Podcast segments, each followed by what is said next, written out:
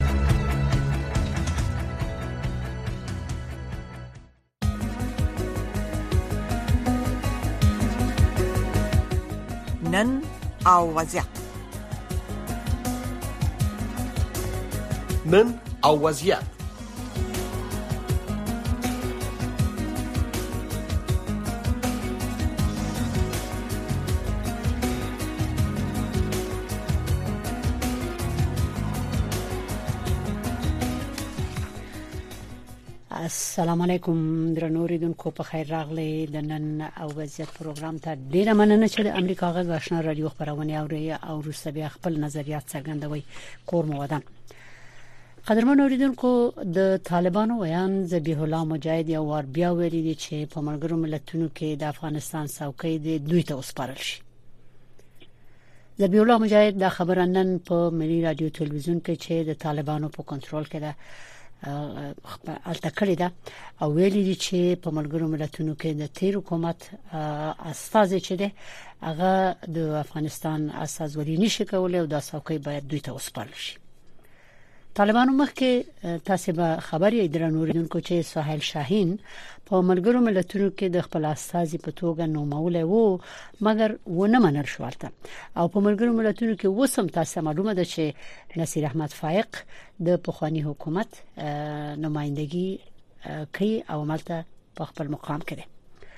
مګر زبی الله مجاهد ټینګار کوي چې دوی ته کده دوی دغه حکومت ته دا څوکۍ نه سپارل کیږي نو وایي چې دا به د افغانانو سره جفاوي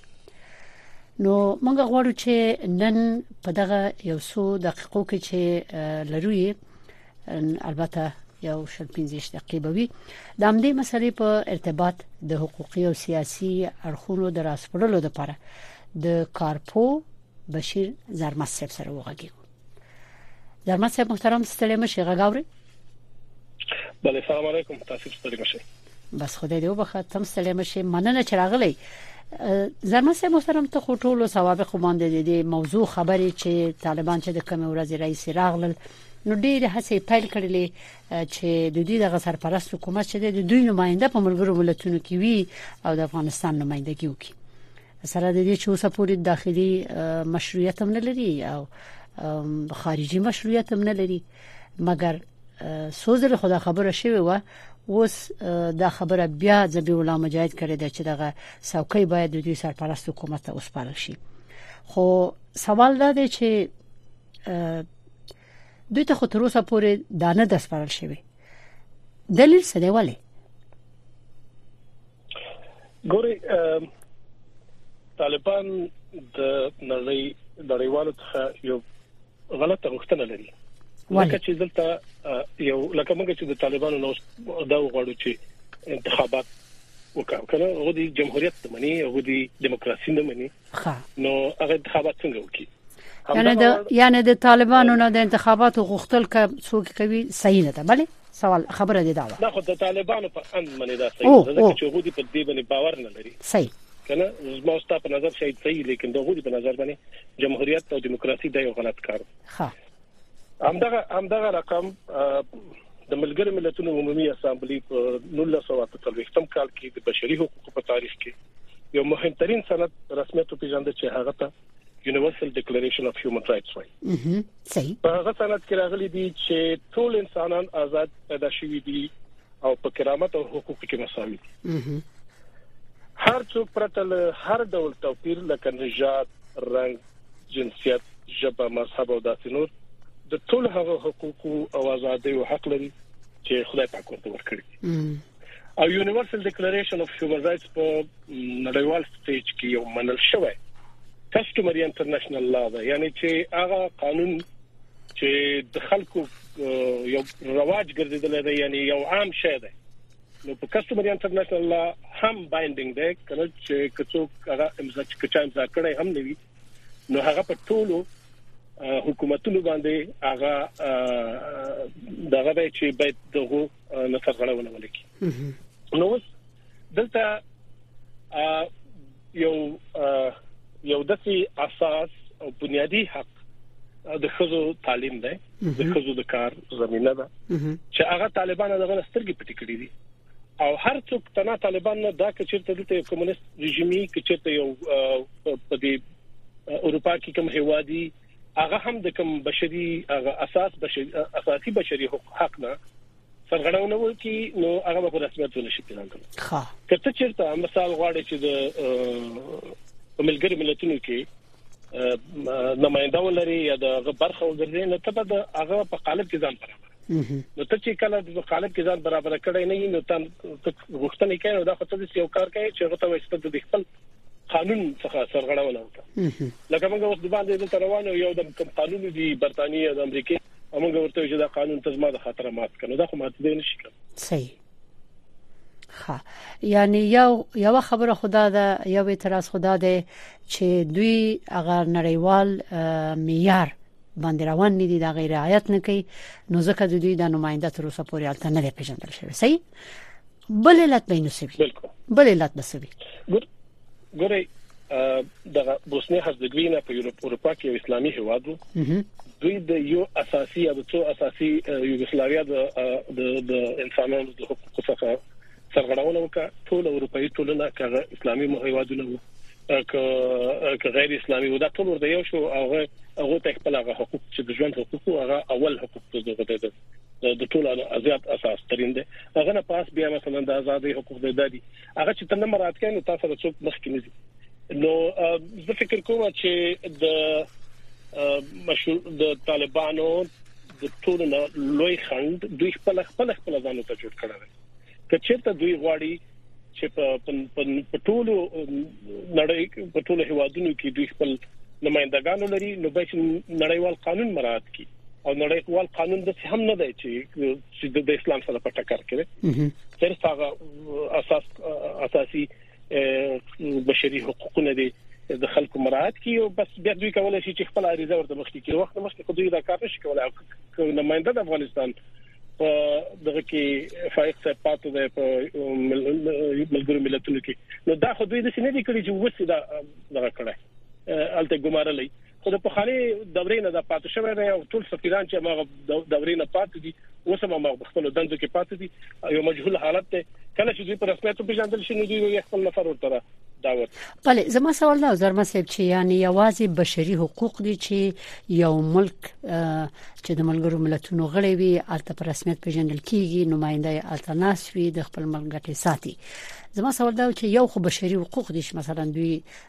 طالبانو تر اوسه پورې د نړیوالو غوښتنو ته غوږ نه دی نیولې افغانان خپل غوړي د طالبانو په واکمنانو باندې هر ورځ غږ کوي چې د جنکو مکتبونه خلاص کړي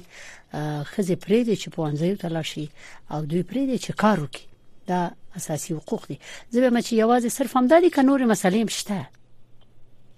زه فکر کوم کله نور په ملګرو ملتونو کې د ولډ اخستلو بعضي نور فکټورونه شته چې هغه اکثره طالبانو ونداوس مراد کړی دي کنه یې پوره کړی دي په بشپړه په ټول افغانستان باندې تسلیت تسلط لري اردو لري پولیس او استخبارات او هر شي لري نو دې ته چې ګورو نو دوی بالکل د مملکت حیثیت لري لیکن بیا چې د ملګر ملتونو ته خبر راشي مشروعیت ته خبر راشي نو مشروعیت بیا یو حقوقي موضوع ده چې هغه ته بیا بعضي شرایط ته پوره کوي چې هغه ته کوالیفای شي چې ته بیا حقوق نه پوره کړی یا شرایط نه پوره کړی نو بیا ته هغه ته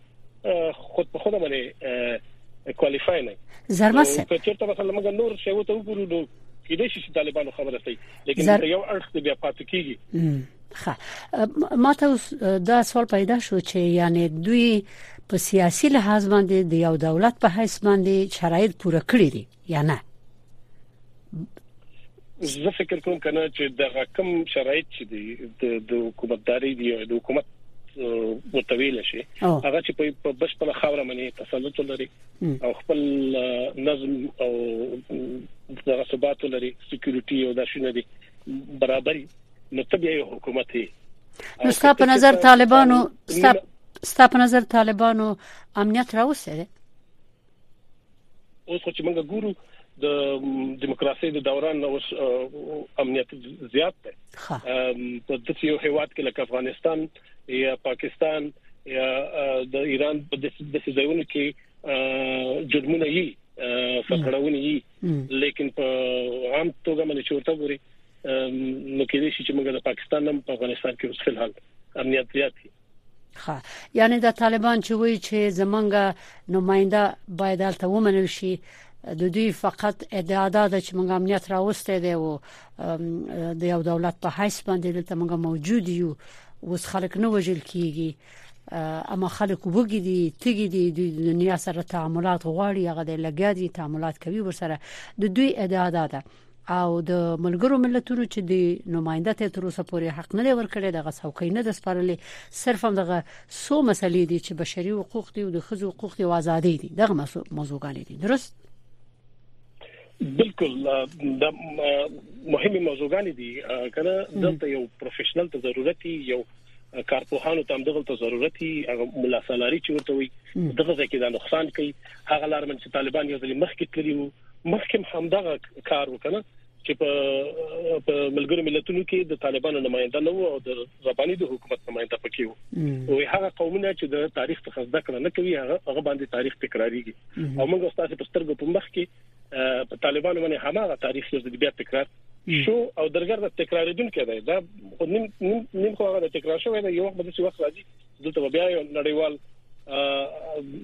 براتوریږي او دلته د طالبانو مخه نیسی او که چېرته دوی د دوی سره پروفیشنل کاری خلک وای نو دوی ته به دا لارښودنې کېدلای دوی دوی په دې پوهدلای چې کله چې ته په غواړې چې په ملګرو ملتونو کې خپل نمائنده ولري ته به چې کم کم شرایط پوره کړی چې ته الته نه او بخې زرمسه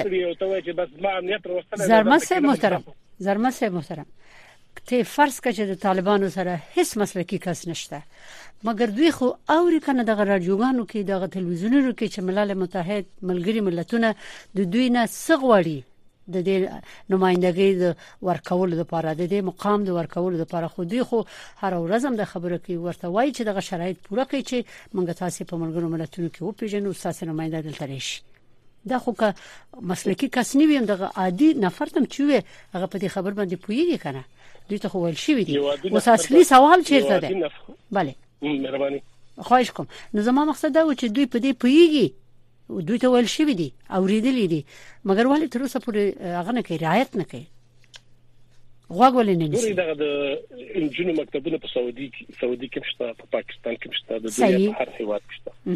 نو دا د چا په مزغو کې کینی چې یو سړی برجګي د جنو مکتب په بندې هم د اتم ټولګي پورې د شپږم ټولګي پورې نو خو دغه ذهنونه ته کوم تراس کې قرار لري چې دغه شاو ته متوجي نه دي خبره اوریم کني دا لاندې طالبان چې موږ د زبیلا مجاهد په خوري ورستانې د سره د تقریو دي دا خو چې خلک دي چې د فکر کوم چې په جمهوریت کې موږ د خلک نه نو چې نو هغه اصلي موري چې کوم دي هغه بیا هغه ځکه چې کله کله وایم کړه چې هغه افراطي دهاتي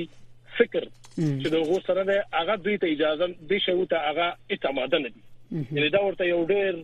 غلط شیخ کاریږي او هغه کوم د دهاتو قانون چې د دوی دی یا د دهاتو کوم کاستیم چې د دوی دی هغه غواړي چې په ټول افغانستان کې په ټول نړۍ کې راځي چې هم هم دغه ځای کې دي چې نو ته دوه برخې دي دوی یعنی افراطي ډېر پويږي او بیا برخې بالکل نه پويږي یعنی هغه افراطي کلیوالي طرز تفکر باندې ملامتیا چي پوش بالکل ما مخکې ویلي دي زه بیا وایم کنه چې په افغانستان کې څو سړې جګړې روانې دي چې هغه د د روس او امریکا په منځ کې و د د پاکستان او د هندستان په منځ کې و د ایران او د سعودي په منځ کې ده او د کلی او د خار په منځ کې هم ده کله کله غټي کله خار غټي خار بیا افراطیت کوي په کلو باندې او کله بیا افراطیت کوي کارونه باندې اوس اوس کله اوس د کلی سره مصادق دا د بال د ولدس کې چې موږ ورته دا اوس د کلی په لاس کې ده خو اوس خبره ده دا بازی کوي چې تر خو اوس برې شو دي ته چې دغه د جمهوریت نظام د پخوانی حکومت نماینده نصیر فایق صاحب چې اوس هم مالته په اداره کې ده دا په حقوقي لحاظ صحیح دی چې اوس پورې الټرناس وی باید اوس دا یو مشکل سوال دی چې دولت شته نه دی او نمائنده شته ده لیکن دا خو د څه نه ده چې دا اوس تاکل شوی ده دا ماغل ته پاتې شوی دی کنه یو د یو حالت دی چې دا کې د شو چې شپږ میاشتې کې په درې میاشتې کې په دوه میاشتې کې ختم شوی وي کې د شي د 15 کال لس کال دوام وکړي یعنی په حقوقي هم د چې حقوقي بڼه خو نه لري کنه یعنی په حقوقي لحاظ او یعنی دغه هم یو افغان دی ښه دا طالبان چې اعتراض کوي چې باید د مقام دوی ته ورکړ شي فکر کې د پام دی خاطر وي چې هغه حکومت خو نشته هغه رژیم خو لاړو هغه خو نشته نو دا نماینده ولې التناسته اما تاسو وایي چې چون د دې حکومت هم په رسمیت نه دی پیژندل شوی نو بس ملګرو ملتونو دا بهتره غنل دغه په خپل ځکه ناشته اما صلاحیت نه لري یا لري د اجراتو دا فکر نه کوم چې کوم خاص هغه به ولري اما واک به ولري اما غونډه کې خو کینی کنه د افغان کې د یو افغان په صفت باندې کینی دا خو خبره ده چې یو افغان خپل ته نه خو خبر به د دې د منځ یو دا خبره یې کنه کې د ملګری ملتونو یا غږ د کوم خلک د افغانستان پر راس کې د ملګری ملتونو په نمائندګۍ باندې کار کوي د کنکلوژن ته به یو وخت رسیږي چې د فائق سره یو د طالبانو نماینده هم په تاګه کې نه وي ترڅو یو نمائندګي ولري خو هغه بیا یو ډول نه یو ډول مشروعیت د طالبانو حکومت ته ورکړي خبره بدایي چې طالبان باندې شوی نمرات کی اوس طالبان هم په نړیوالو باندې فشارونه لري او نړیوالم په طالبانو باندې فشار وګړي او په منځ کې د افغانانو حق پایمال شوی دی فشارونو خو تر اوسه پورې د سې نتیجه چې د ولس زړه غوړي هغه سې نتیجه خو د فشارونو نه نه دراوته سوال بل دی چې د کمبل ملک هم شته ستاسو تجربه څه ده چې دغه سې یو مشکل درلودلې وي یا ولري هم دا اوس لکه طالبان چې لري د ملګرو ملتونو سره مقصد نه ده یو وخت کې فلسطین یو وخت کې همدغه څه و چې د هواد په په توګه باندې نو پیژندل شوی لیکن نماینده یې الته وو ها او هغه ته د د هواد دغه ورته نو سټیټس نو ورکول شوی ها او د سه ماته اوس د هند چې نه راځي چې تاسو په هواد مو خبره خو افغانستان دا دویم ځل دی چې دا دغه حالت ته دي ها نو سوال دا دی چې طالبانو نه خو دنیا غواړي چې ته د معیارونه مراعات کړه تا ویل د دوی په منځ کې اختلافات دي په غي خاطر باندې تر اوسه پورې دلته صحیح اقدام نه دی شوی مګر څه فکر کوي چې کداغه حال روان وي کنه هم دغه سي ادامه ولري نو بیا دغه کوششونه خو هیڅ نتیجه نه ورکړي بل کومه راشته دي چې طالبان دې ته متوجه کړي شي او دا ومني چې بشري حقوق د خزو حقوق ازادي هغه بنیادی انساني حقوق چې د یو انسان دي چې الله تعالی ورکړي دي که هغه دوی په افغانستان کې د افغانستان ولسته خصوصا خزو ته ورنکي نو دا وړي بشړي نشي او دا ځل بیا هم هغه حل په دوی باندې لشي لکه چې سپټمبر 11 کې وبخه هغه نرسراغه او په طالبانو باندې لکه موږ چې ورته کوم ځای نه ګورو مخکې ما ویل کنه کوم خلک چې د تاریخ نو دکړه نه کوي په غو باندې تاریخ تکراریږي او په افغانستان کې د تلورم پنځم ځل دی چې د تاریخ تکرار شي که دوی چې په دکړه ونه کې همدغه حالت رواني په دې کې د نړیوالو څه تاوان نشته د تاوان ټول د افغانانو دی او نړیوال صرف هم دومره کولای شي چې په دوی باندې هغه ډیپلوماټیک فشار رامنځته کړي ډیپلوماټیک فشار چې دوی تر رامنځته کړي چې دوی په قصه کې نه ماته سویل جهاديان اکم ژوند چې د دهات مخکې و د غلې شای چې ژوند کې ډېر فرق راغلی مخکې به په وچه ډوډۍ باندې گزاره کړو کوله اوس د پلوونو او داسنیم د تر کولاندي خو هغه د خپل ژوند کې ډېر فرق راغلی نو مخکې په غرو کې اوس په ارګ کې نه یو ته هیڅ فرق نه کیږي زه خو په ملت باندې راغلی دی چې د پاسپورت حساب معلوم نه دی د ویزو حساب معلوم نه دی د د مهاجرتونو حساب معلوم نه دی چې اوس چیرته څوک مګر زرمست دلته یو خبره شته ګوري طالبان وایي چې موږ د شل کال چې جنگ کړی دی موږ د یو اسلامي نظام یا شرعي نظام دراوستو لپاره کړی دی صحیح تاسو چې وایي چې یوازې به د ډوډۍ او د موټرو خبره نه وي چې خې ډوډېګان خوري او موټرونه خولاندې دي دلته خو دوی د یوې عقیده او مفکورې په حساب باندې چې دوی خپل وایي رپورټونه راځي چې دوی په دې خاطر د شل کالو جنگیدل غرو ته ختلی وو د حکومت سره جنگیدل او د خوته د حکومت کې دام ټول افغانانو د خوته وجل کېدل هغه خوته وجل کېدل بل اخره دغه شپږ سل ویخ ملکونه ناتو امریکا دا ټول پوه شول چې دوی دا جنگ نشي ګټلی او طالبان هم په دې پوه شو د طالبانو حامیان هم په دې پوه شو چې دا جنگ دوی نشي ګټلی سو کال نور به دوی جنگيږي نو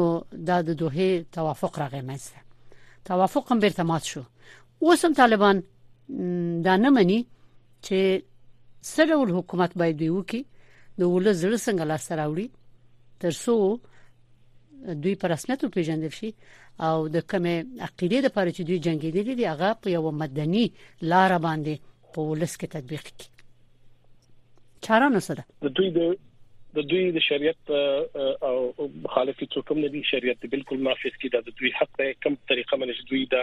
لاستراړن راوړنه وکړه دا په نړۍ کې ساره ونه لري لیکن کوم طریقه منځ چې دوی وس د دې شریعت ساتنه کوي دا همدغه شریعت چې په وینو باندې راغلی او مخکې یو د وړنګ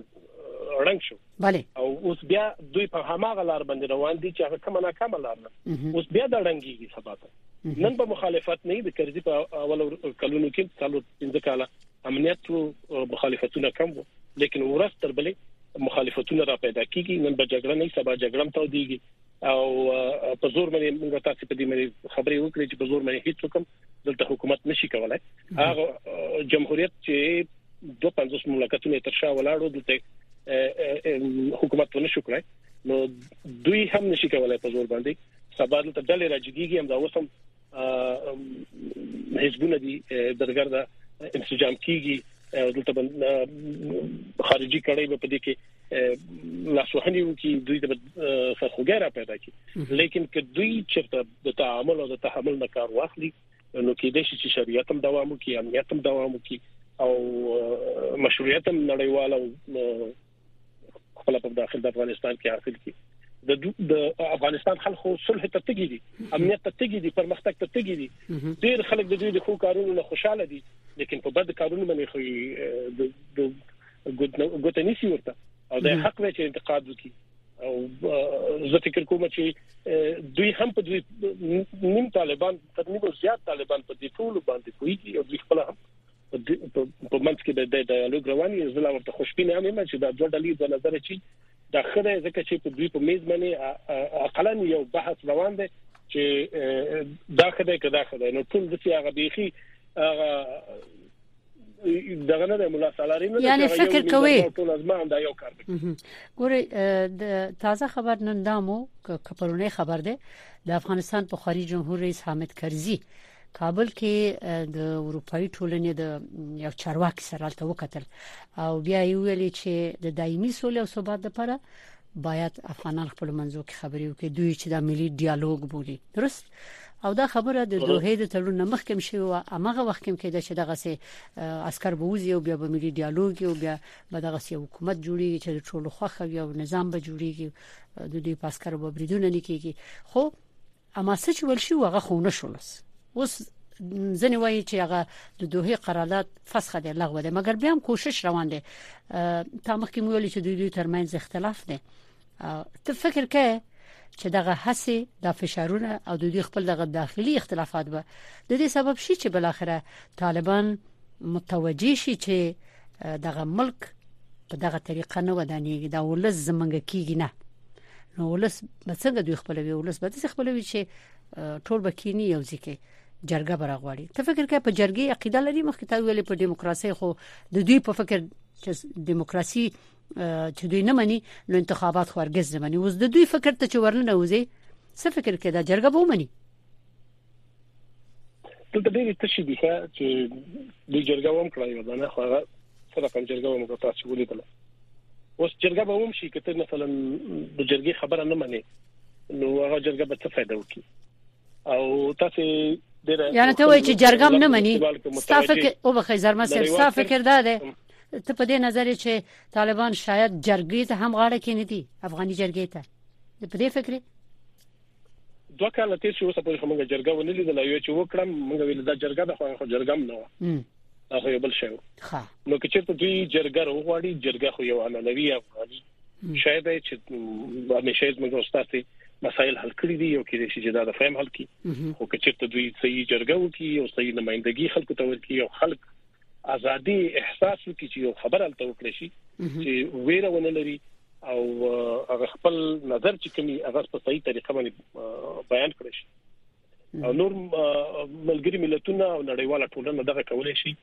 دغه فشارونو په ذریعہ باندې چې یو بحث یې الته روان کړی دی چې طالبان دې ته متوجي دي او دغه توجه په څو کلونو کې راځي بس دا اوس یو مشکل کار ښه یعنی پیش بینی نشي کولای چې څومره وخت به ونیسي نو ډېر ډېر د فکر کوم چې په هیڅ وګم دا پیش بینی نشي کولای چې یعنی فکر کې نشي کولای چې موږ مشران به څو وخت نه په دې خبرو باندې کې اوس خدای غواړي دا اوس د ای بي سي نه شروع کوي یا لږ دې نه شروع کوي نړیوالې اړیکې او سیاست او شنو وڅ دي د کوي نو دا به ډېر وخت چې دا ترڅو دي دې مې سر خلاص کی دا کوم خلک چې لندې دي دا ماته ته وخت مې ویل چې دا ډېر زیات پوخ خلک دي لکه متقی صاحب مجاهد صاحب او ډېر نورم دي دوی په خبر دي د موږ تاسو نه پیښه پويږي لیکن دوی خپل مشران ته څو وخت قناعت ورکول شي رئیس الوزرا ته هغه غډل چې دا دا به نه پويږي چې موږ څومره وخت وونی دوی له اوسه پورې تعلیم ته مباح وي بعض شوه ته حرام وي نو دا خو ډېر علمي بحث دی او بیا د نړیوالو عالمانو مخه هم نشي چې کوم د مشورې ورکړي هغه تم اجازه نه ورکړي نو نه پېږو چې دا به کم ځای ته ځي نو څه فکر کول دوی د سکی د دومره خو هر انسان په دې باندې پیږي چې دا مې خیر دی دې کې مې شر دی دې کې مې خیر دی نو دوی د حکومت به څنګه بقا خبره ده کړو څنګه خبره ده هغه خبره ده چې بلته ما خبره تر راځو چې افراطي دهاتي فکر او د هرات افراطي خاري فکر حکومت کې تصادم ده موږ خارونه هم دا کار کړی یو کلی ته چې هغه د په عمر کې موټر نه ودیدل هغه ته دیموکراسي وستن دیموکراسي راوستله په زور یې د هغوی په خوله کې د مړۍ د دیموکراسۍ ورتخته کوله چې هغوی د ازمولای نشو اوس دوی هم هغه کار کوي بیرته په دې خلکو باندې نو دا تصادم باغ پورې نه ختميږي چې څوک څو پرې زموږ استاد دي تعلیم او د تربیه کچه سره برابر شي نو او تاسو مخکې بله تاسو مخکې ویل چې افراطي تاسو مخکې دغه خبره وکړه چې دلته خارجي کړی خارجي کړي هم خو که په افغانستان کې نرمي او دوی خپل ګټي بایلي کنه دا خارجي کړي به څه وخت متوجي شي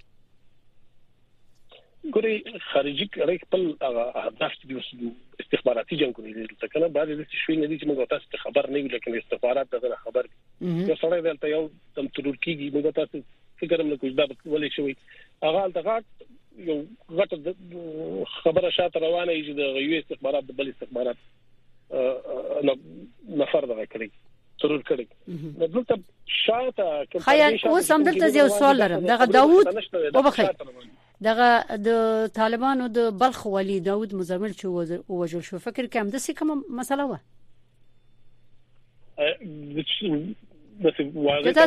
تاسو ویل چې ښه تاسو ویل چې کنه خارجي کړي دي خارجي لاسونه دي ودادي دوی کوم اختلاف دی او یو ډول تشدد کوي خارجي کړي په دې معنی دي چې د چې د پاکستان انټرست د ملي ګټې چې دی دغه مخه په افغانستان کې هندستان نسی د ایران به سعودي نسی د سعودي به ایران نسی د امریکای به روس نسی د روس به امریکا نسی دغه به نورم ډیر نورم چې دا بکیږي او دا دا کړي شته دا یو ډیر جړل یا ډیر مالک کړکیچ کې افغانستان اخته دی د تیرو د تلويختو کلونو راځي الله زیات دلته خارجي کړي په دې معنی چې استخباراتي کړي یا مثلا نور کړي دي چې دلته د مذهب په نامه باندې خلک راوچتي ټاپې در باندې وشي د د شیعه د سنی په نامه کې د پښتون د فارسی په نامه در باندې کې زر کار د ملي کول شي افغانستان یو بي سرپوکه دیګه ده چې دې کې هر څوک تم څه وهل شي نو موږ ته پکار ده چې اوس دغه فرصت نه طالبان استفاده وکړي دا کوم اچیومنت چې دوی کړی دا کوم لا سره اورنه چې دوی کړی دا